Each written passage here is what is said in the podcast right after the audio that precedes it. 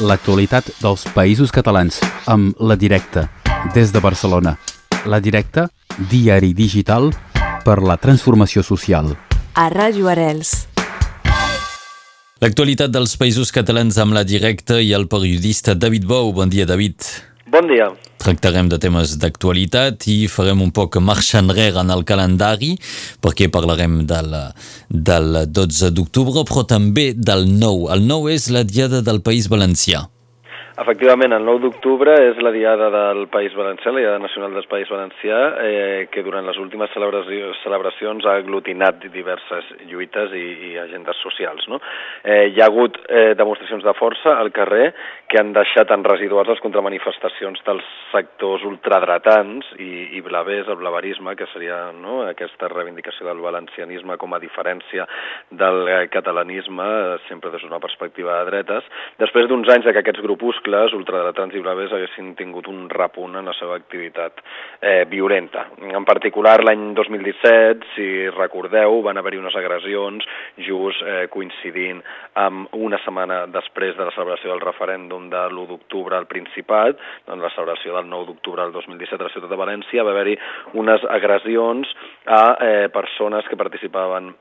de les manifestacions antifeixistes i les marxes eh, per commemorar la Dia del País Valencià, unes agressions per part de l'extrema dreta que arribaran eh, properament a judici on hi ha més d'una trentena d'últeres imputats amb, amb peticions de penes de, de presó. A partir d'aquell any, eh, de l'any següent, del 2018, el moviment antifeixista al País Valencià, que com sabeu té una llarga tradició eh, de lluita també perquè han tingut un escenari molt complicat i molt difícil eh, amb el que combatre no? aquesta, aquesta extrema dreta,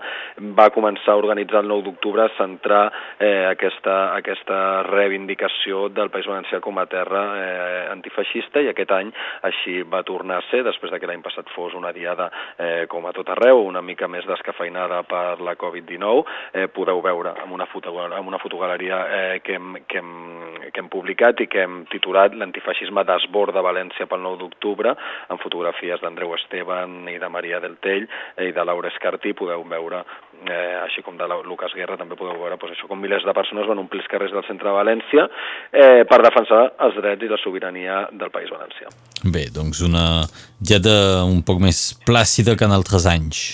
Sí, perquè cada vegada, a mesura que ha anat creixent la mobilització antifeixista, que a més s'ha organitzat d'una forma escrupulosa amb diferents columnes de, que, que van de les diferents comarques del País Valencià cap a la ciutat de València, cap a la capital del, del País Valencià, amb un servei d'ordre per evitar agressions per part de l'extrema dreta, etc. Cada vegada que aquestes mobilitzacions antifeixistes any rere any han anat agafant més pes i més força, eh, ha sigut inversament proporcional eh, la força que han tingut les mobilitzacions de l'extrema dreta i cada vegada s'està veient més eh, arraconada i més residual, almenys en quant a poder de mobilització. Molt bona notícia, doncs. I un dia en què sí es reivindica més, doncs aquest sector és el 12 d'octubre, es va celebrar doncs, eh, abans d'ahir i era el dia conegut com a Dia de la Hispanitat. Efectivament, el 12 d'octubre, com eh, bueno, bé recordareu, el que commemoren alguns és l'arribada la, eh, de Cristòfor Colom a Amèrica l'any 1492, el que ells diuen el descobrimiento, eh, però bueno, eh, òbviament van descobrir algo que no coneixien, però com bé diuen eh, els companys i les companyes d'Amèrica Llatina, eh, ja existien cultures a Amèrica Llatina abans de que arribessin els eh, conquistadors, els colonitzadors espanyols, precisament aquest, això volíem parlar el 12 d'octubre, destacar que eh, després de eh, que tradicionalment, eh, sobretot a la ciutat de Barcelona, des de ben entrats als anys 90, eh, amb les protestes al barri de Sants per expulsar l'acte de l'extrema dreta de la plaça dels Països Catalans a la tocar de l'estació de Sants, que finalment es va aconseguir després de molts anys de, de disturbis i moltes persones ferides i detingudes eh, per part de, de la militància antifeixista, eh, finalment aquest acte es va traslladar a Montjuïc, després des de que durant els últims anys les protestes eh, antifeixistes més eh, militants, més clàssiques de tota la vida hagin anat perdent eh, pes i perdent força mobilització perquè també eh, els actes de l'extrema dreta han, de l'extrema dreta més recalcitrant han quedat més aïllats a la muntanya de Montjuïc eh, proto, eh, no? on cada any es creuen estelades, es prefereixen eh, amenaces i es veuen eh, braços braços alçats, eh, comptant amb un fort dispositiu policial, eh, òbviament, de protecció. Eh, tot això ha fet que hagi anat canviant la mobilització, com comentàvem que ha passat també al, al País Valencià amb el 9 d'octubre, i eh, qui ha agafat més pes en els darrers anys ha estat tant a Barcelona com a València també la comunitat, no? les diferents comunitats eh, afroamericanes, les diferents comunitats eh, de l'Amèrica Llatina, de pobles originaris de l'Amèrica Llatina que reivindiquen, eh, com Laura Chirinos i Camila Opazo, que són dues membres de la plataforma Bloque Latinoamericano, que hem entrevistat aquesta setmana, reivindiquen que el 12 d'octubre de 1492 el que s'inicia és el genocidi més gran de la història de la humanitat, en les seves pròpies paraules. Aleshores, eh, vam entrevistar aquestes eh, dues militants anticolonials i eh, per saber quines són els motius que els porten al carrer. A la tarda del 12 d'octubre es va celebrar tant a Barcelona com a València una marxa. A Barcelona va acabar el monument a Cristòfol Colón, del qual demanen la seva demolició eh, per creure que exalta la figura d'una persona que el que va fer va ser iniciar, en aquest cas un extermini, l'extermini dels pobles indígenes a, a l'Amèrica Llatina. Doncs aquesta és l'actualitat al voltant del 12 d'octubre. Si d'un costat doncs, es celebra amb desfilades militars, d'una altra banda es recorda doncs, el, el, els fets que tot això va acabar provocant. Efectivament, les desfilades militars també han tornat als carrers de Madrid eh, enguany, on l'anècdota ha estat que un dels eh, avions de la patrulla Àguila, que tradicionalment quan acaba la desfilada militar fan una passada pel cel de, de, de la ciutat de Madrid eh, dibuixant la bandera d'Espanya, doncs un d'aquests avions, eh, en lloc de treure fum vermell, va treure fum lila i dibuixant una bandera republicana en la presència del monarca Felip VI, eh? no una bandera eh, no monàrquica, com és l'oficial actualment a, a l'estat espanyol, però entre, entre d'altres coses el que podem veure el 12 d'octubre eh, és eh, com arreu de l'estat espanyol i ara també eh, amb la presència de Vox, eh, no, el partit d'extrema dreta que reivindica d'una forma més clara els valors heretats de la dictadura franquista, doncs hi ha una exaltació eh, patriòtica d'un nacionalisme excloent, no, d'un nacionalisme que el que pretén és imposar no, des d'una visió de dretes i des d'una visió autoritària eh, la seva concepció concepció de, de la moral i de, la, de, de l'ètica de, del, que ha de ser, del que ha de ser una societat. Això ho veiem a Montjuïc, eh, també ho veiem eh, els últims anys a Passeig de Gràcia, tot i que enguany al Passeig de Gràcia de Barcelona només s'han aplegat 3.500 persones, el que és una xifra molt més petita que la d'anys anteriors, quan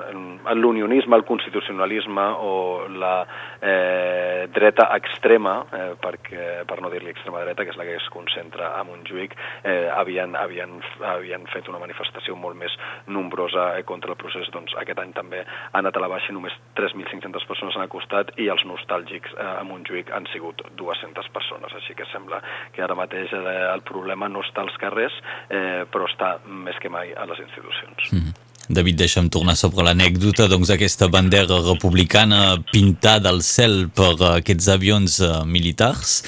uh, un esdeveniment que recorda altres fets, eh? em sembla que fa tres anys que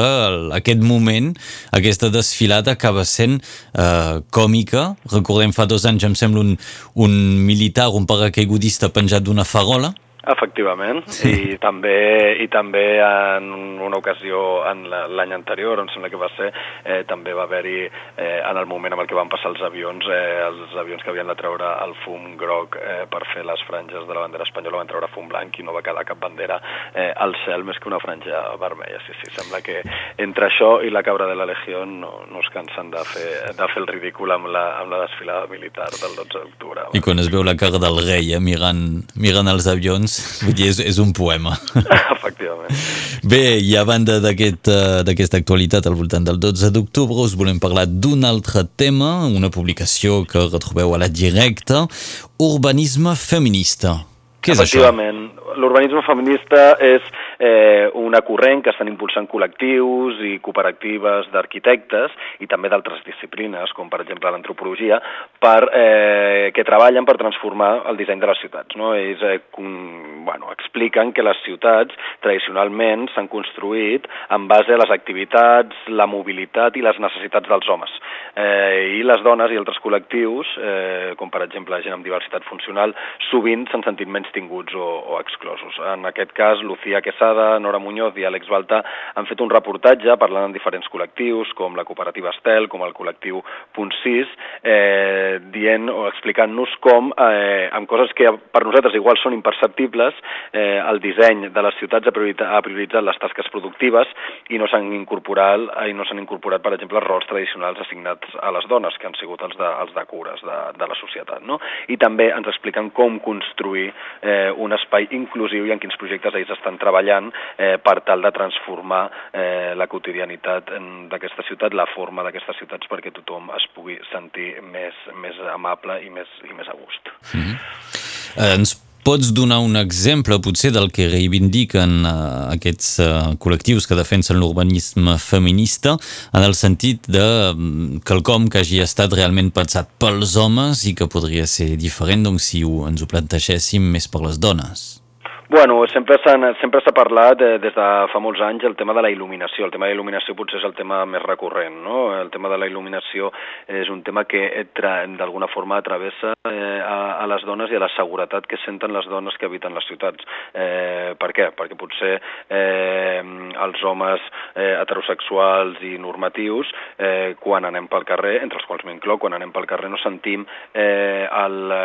no sentim l'amenaça de que puguem no, eh, creuar-nos doncs, amb un agressor, amb una persona que ens pugui eh, d'alguna forma violentar o que, o que ens pugui no, eh, agredir sexualment, el fet que els carrers estiguin més il·luminats, que les voregues siguin més amples i no hi hagi obstacles, que hi hagi poc soroll, eh, és un fet que està estudiat que les dones que fa que les dones se sentin més còmodes i segures a la ciutat, no? perquè generalment la percepció d'inseguretat al carrer és superior en les dones. Això, per exemple, és, és un exemple molt, molt recurrent. D'altres exemples que hi ha en aquest cas, i parlen de col·lectius excloents, no només centrar-nos amb les dones, però també entra dintre de la perspectiva de l'urbanisme feminista, perquè, òbviament, si li diuen urbanisme eh, feminista és perquè l'urbanisme fins ara ha sigut majoritàriament masclista i, per tant, no s'han incorporat una mirada femenina que tingués en compte altres supòsits. L'urbanisme eh, feminista, en aquest cas, amb les persones que viuen al carrer, amb les persones que pateixen una situació de sensellarisme, és aquell que no posa obstacles perquè aquesta gent pugui eh, estar, eh, no, estar amb el, tenir recursos per, per estar, per evitar la ciutat. Per exemple, la ciutat de Barcelona els últims anys eh, va haver una política durant el govern de Convergència i Unió del senyor Trias, van haver-hi una, una, una política urbanística que va consistir en treure en treure de l'espai públic a les persones sense llar. Com ho feien això? Doncs instal·lant bancs on una persona no pogués cabre estirada eh, perquè, perquè, perquè pogués dormir estirada als bancs, instal·lant algunes cantonades eh, eh, suprimint la cantonada i posant, fent, fent piràmides de, de,